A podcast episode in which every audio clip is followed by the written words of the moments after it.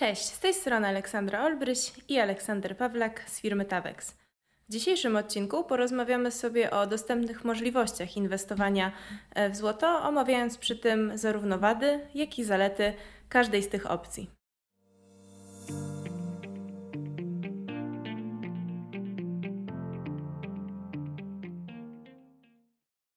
Ci z naszych oglądających, y, którzy nie od dziś są e, aktywnymi uczestnikami e, rynków finansowych, e, zapewne wiedzą, że mm, inwestować można albo w złoto fizyczne, albo w złoto w formie papierowej.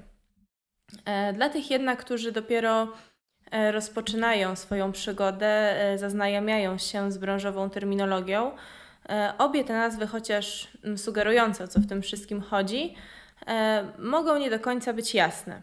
Mm, zatem, Alex, czy na początku mógłbyś opowiedzieć e, kilka słów o e, dostępnych opcjach inwestowania w złoto i ich, ich specyfice?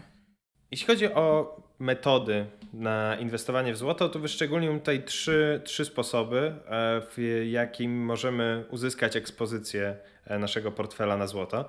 Mm, pierwszym, tym najbardziej intuicyjnym jest oczywiście zakup złota fizycznie, w formie fizycznej sztabek czy monet. A druga forma to jest y, zakup udziałów w tak zwanych ETF-ach, funduszach inwestycyjnych, które kupują fizyczne złoto, a przechowują je w swoich skarbcach i my y, wspólnie z nimi kupujemy to złoto, nie, nie trzymając go fizycznie w ręku. I trzecia forma to są forexowe kontrakty na, na różnicę ceny. Skoro już wiemy, co kryje się pod pojęciami złoto fizyczne i złoto papierowe, e, przejdźmy może do meritum naszego dzisiejszego odcinka, czyli opowiedzenia sobie o zaletach i wadach e, każdej z opcji.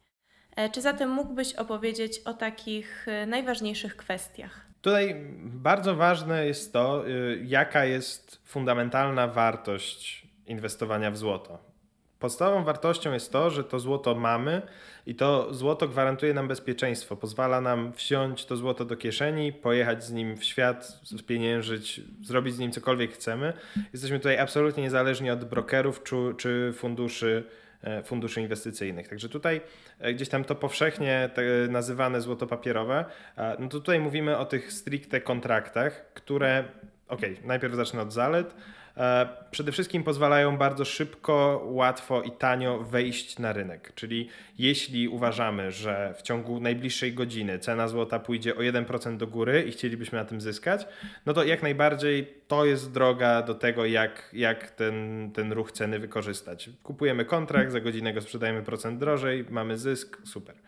Natomiast jest to bardzo droga metoda do utrzymywania jakiejś długotrwałej pozycji, wiąże się to z kosztami plus nie mamy żadnego wpływu na to, y, gdzie i czy takie złoto, które rzekomo kupiliśmy, jakkolwiek istnieje. A drugą kwestią, tym drugim, drugim sposobem inwestowania, tutaj gdzieś na styku pomiędzy złotem papierowym a złotem fizycznym, są te ETF-y. I tutaj kwestia jest taka, że długoterminowo wychodzi to korzystniej, krótkoterminowo wychodzi mniej korzystnie niż, e, niż, niż te forexowe kontrakty. Z czego to wynika? Wynika to z tego, że fundusz musi kupić fizyczne sztaby, przechowywać je w swoim skarbcu i za to nas odpowiednio obciąża. Tam są z reguły opłaty za, za wstęp do takiego funduszu i później jakieś roczne opłaty za utrzymanie tego. E, jest to forma dosyć komfortowa, natomiast pozbawia nas bardzo krytycznej wartości, czyli tego, tej fizyczności złota. My go, tego złota nie mamy. Te fundusze nie operują w taki sposób, że zadzwonimy do nich i że na przykład za dodatkową opłatą oni nam przyślą te sztabki, które kupiliśmy. Nic takiego nie będzie miało miejsca. Możemy co najwyżej u tego samego brokera odsprzedać nasze udziały. Także nie mamy, nie mamy żadnego wpływu na to, gdzie to złoto fizycznie jest, czy ono jest i w razie czego, żeby je fizycznie dostać.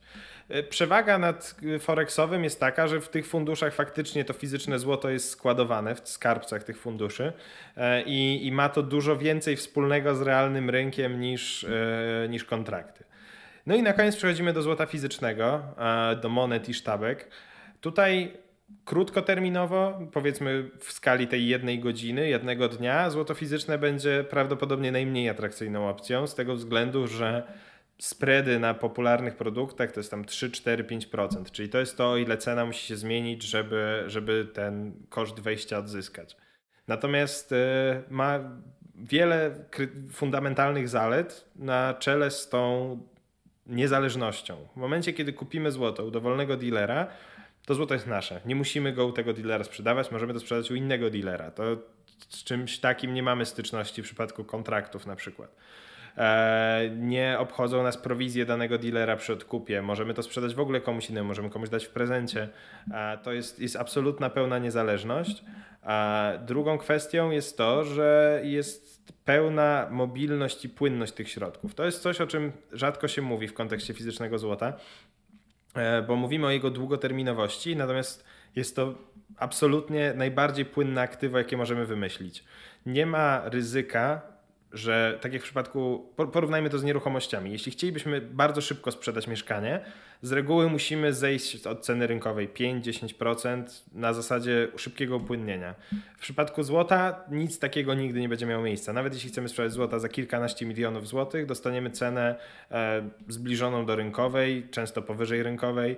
E, dostaniemy gotówkę albo przelew od ręki i, i temat mamy zamknięty. Także tutaj tak bardzo pokrótce e, te, te trzy metody e, myślę, że podsumowałem.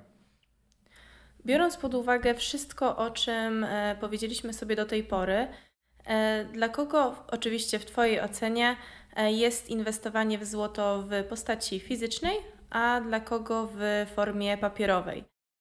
Czy może są takie sytuacje, takie, tacy inwestorzy, takie portfele inwestycyjne, e, w których powinno być e, i takie, i takie złoto.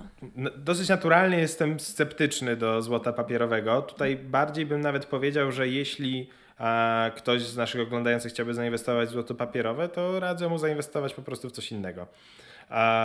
Inne, dowolne inne aktywo. Jakby z czego to wynika? Fundamentalną Y, zaletą złota to, co mówiłem, to jest to bezpieczeństwo, to bezpieczeństwo, to płynność, to, że mamy je zawsze od ręki i do ręki, e, jesteśmy niezależni od wszystkich i wszystkiego.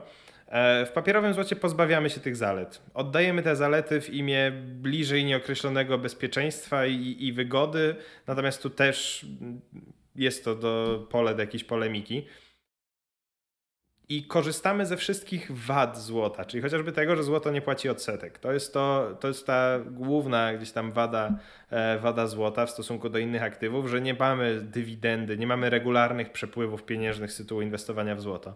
E, I nie mamy ich zarówno w złocie papierowym, jak i w złocie fizycznym, więc e, jakby nie ma, nie, nie, nie widzę wartości w inwestowaniu w złoto papierowe. A jeśli chodzi o złoto fizyczne, no to jakby jest to inwestycja, no to znowu trochę marketingowo zabrzmi, no ale jest to inwestycja naprawdę dla każdego i to jest coś, co bardzo skutecznie zostało nam wyparte z pamięci, bo jeśli spojrzymy na to z perspektywy nie tak dalekiej historii, no to jeszcze 60 lat temu dolar powiązany ze złotem był pieniądzem, to było naturalne. Jakby złoto dla, dla wszystkich to było naturalne i w pełni zrozumiałe, że złoto jest tym pieniądzem, jest tym aktywem, w którym od nikogo nie zależymy. I, I ostatnie lata gdzieś tam wypierają nam to z głów i, i, i skazują nas na cyfrowe, cyfrowe rozwiązania. Więc y, myślę, że zdecydowanie korzystne dla każdego portfela i dla każdego inwestora jest posiadanie pewnej części oszczędności w złocie. Tutaj to musi być absolutnie indywidualna decyzja. E, zależna od tego, jakie inne aktywa mamy w portfelu, ile mamy tych środków. E, różnie się mówi między 5, 10 do 20%. No tutaj naprawdę każdy inwestor musi sam za siebie zdecydować.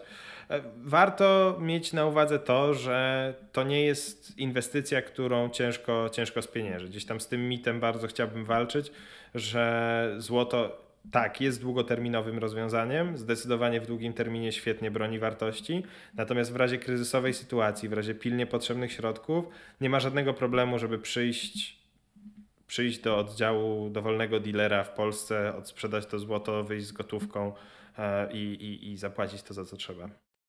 Na zakończenie naszego dzisiejszego odcinka pozwolę sobie zadać Ci takie e, nadprogramowe pytanie. E, czy y, mógłbyś powiedzieć kilka słów o akcjach y, spółek wydobywczych?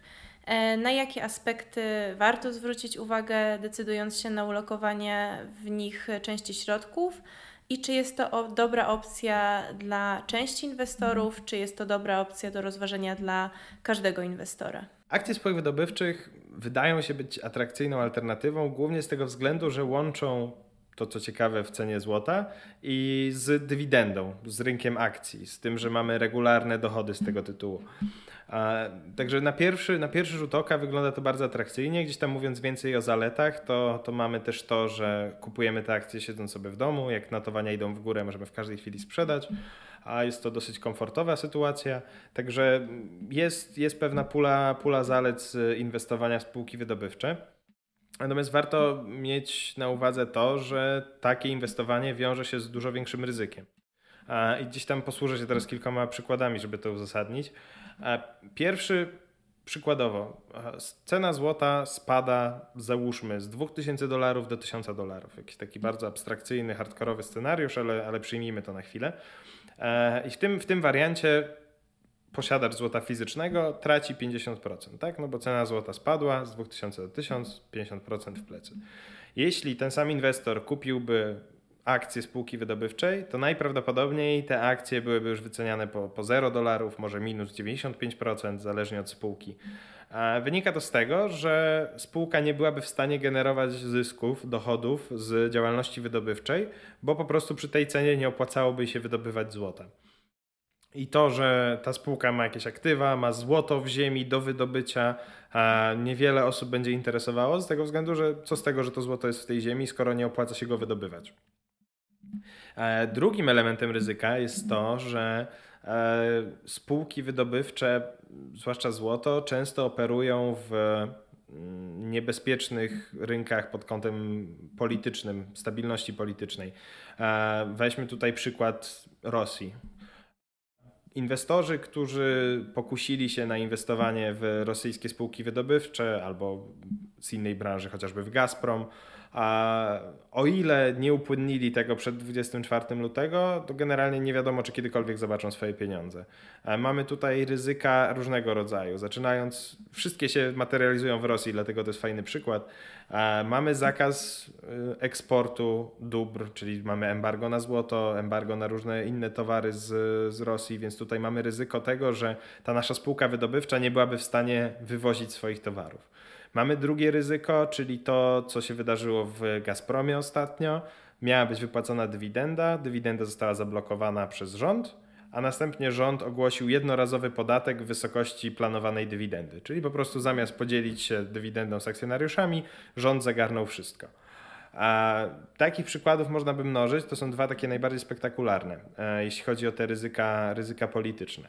No i na koniec mamy ryzyka stricte operacyjne, takie, które się wiążą z każdą działalnością firm, czyli rynku akcji. To jest to, że e, zależymy od zarządu, zależymy od tego, czy kolejne projekty wydobywcze się powiodą, zależymy od tego, czy będą efektywnie realizowane. No jest to pewna pula ryzyk, którymi trzeba zarządzić, trzeba o tych spółkach poczytać, trzeba sprawdzić, a dostęp do nich jest w Polsce dosyć utrudniony, przez to, że nie ma ich na, na rynkach. E, oprócz KGHM-u nie mamy tego typu spółek na polskiej giełdzie więc e, trzeba się kierować na giełdy zagraniczne, co jest jakąś tam też dodatkową uciążliwością. Jest to oczywiście możliwe, po prostu jest to, jest to nieco trudniejsze. Także jest to zdecydowanie bardziej skomplikowane aktywo, bardziej złożone, z dużo większą liczbą ryzyk, którymi trzeba zarządzić.